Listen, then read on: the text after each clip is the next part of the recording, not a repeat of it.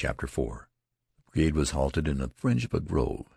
The men crouched among the trees and pointed their restless guns out at the fields. They tried to look beyond the smoke.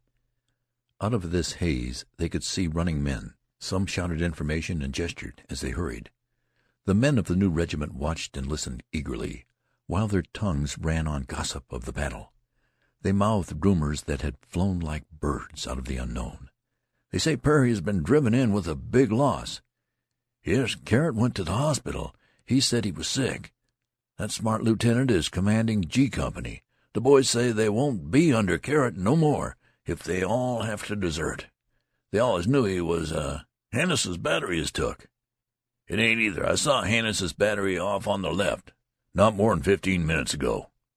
"Well, the general, he says he's goin' to take the whole command of the 304th when we go into the action. Then, he says, we'll do such fightin' as never another one regiment done. They say we're catchin' it on the left. They say the enemy driven our line into a devil of a swamp and took Hannis's battery." "No such thing. Hannis's battery was along here about a minute ago." "That young Hasbrouck, he makes a good officer. Sir. He ain't afraid of nothin'. I met one of the 148th Maine boys, and he says his brigade fit the whole rebel army for four hours over the turnpike road and killed about five thousand of 'em. He says one more such fight as that and the war'll be over. Bill ain't scared either. No, sir. He was just mad, that's what he was. When that feller trod on his hand and he up and said that he was willin' to give his hand to his country, but he'd be dummed if he was goin' to have every dumb bushwhacker in the country walkin' round on it. So he went to the hospital disregardless of the fight. Three fingers was crunched. The dern doctor wanted to amputate 'em, and Bill, he raised a hell of a row, I hear. He's a funny feller." The din in the front swelled to a tremendous chorus. The youth and his fellows were frozen into silence. They could see a flag that tossed in the smoke angrily. Near it were the blurred and agitated forms of troops. There was a turbulent stream of men across the fields. A battery changing position at a frantic gallop scattered the stragglers right and left.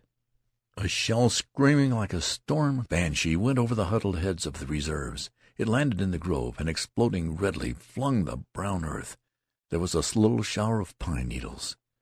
Bullets began to whistle among the branches and nip at the trees. Twigs and leaves came sailing down. It was as if a thousand axes, wee and invisible, were being wielded.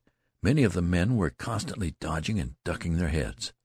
The lieutenant of the youth company was shot in the hand. He began to swear so wondrously that a nervous laugh went along the regimental line. The officer's profanity sounded conventional. It relieved the tightened senses of the new men. It was as if he had hit his fingers with a tack hammer at home.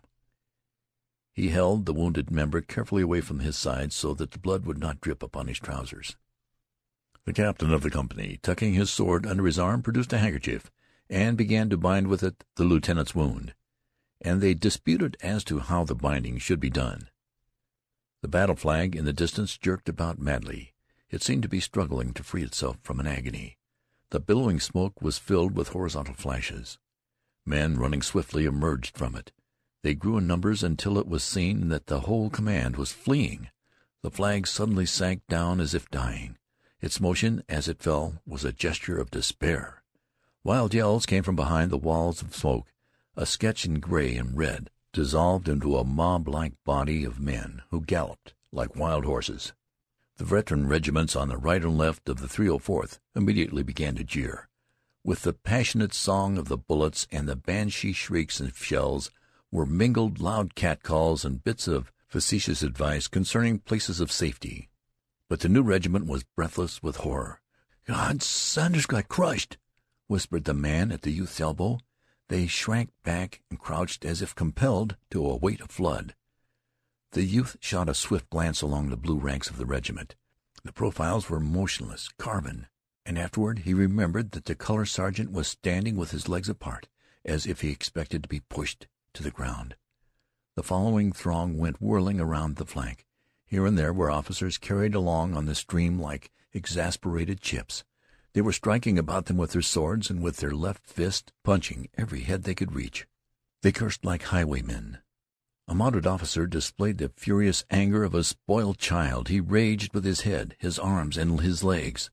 Another, the commander of the brigade, was galloping about bawling.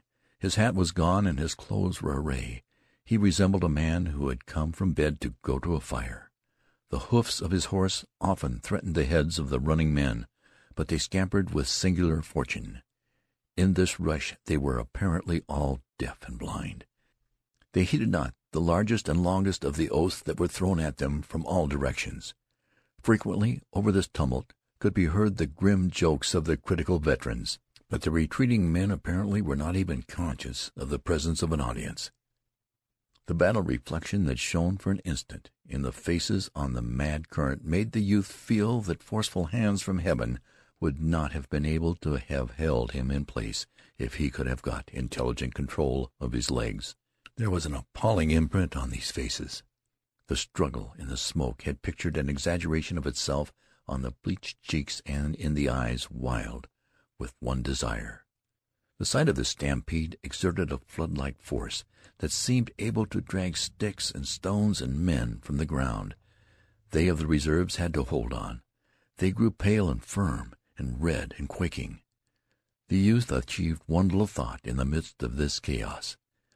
The composite monster which had caused the other troops to flee had not then appeared. He resolved to get a view of it, and then he thought he might very likely run better than the best of them.